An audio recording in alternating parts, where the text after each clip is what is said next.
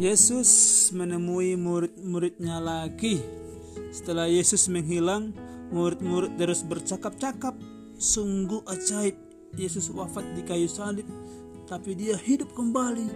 Setelah beberapa lama Thomas datang, kata murid-murid kepada Thomas, kami telah bertemu dengan Yesus. Ya hidup, ya hidup Thomas, dibilang. Eh, kata Thomas, itu tidak mungkin. Aku tidak percaya. Mereka menceritakan semuanya kepada Thomas. Petrus telah bertemu dengan Yesus. Maria Magdalena telah bertemu dengan Yesus. Yesus berjalan ke Emmaus. Dan bahkan Yesus masuk ke dalam rumah. Sementara pintu tertutup rapat. Tetapi Thomas menggelengkan kepalanya. Kata Thomas, Aku tidak percaya kecuali aku memasukkan jariku ke lubang paku dan memasukkan tanganku ke lubang tombak di lambungnya. Seminggu berlalu, tidak seorang pun bertemu dengan Yesus. Thomas, Thomas yakin sudah wafat. Waktu itu hari Minggu malam, semua murid ada di ruangan itu lagi. Thomas juga ada di sana.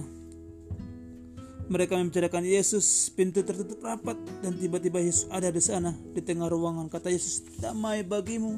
Lalu Yesus memandang Thomas, "Lihatlah di tanganku. Mari masukkanlah jarimu ke lubang paku, masukkanlah tanganmu ke lambungku dan percayalah." Tapi Thomas tidak perlu memasukkan jarinya ke lubang paku itu. Ia tahu itu Yesus, ia percaya.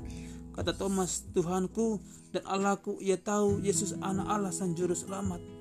Lalu Yesus berkata, kamu melihatku dan kamu percaya. Banyak orang tidak melihatku tapi mereka percaya. Berbahagialah orang yang tidak melihat Yesus namun dia percaya.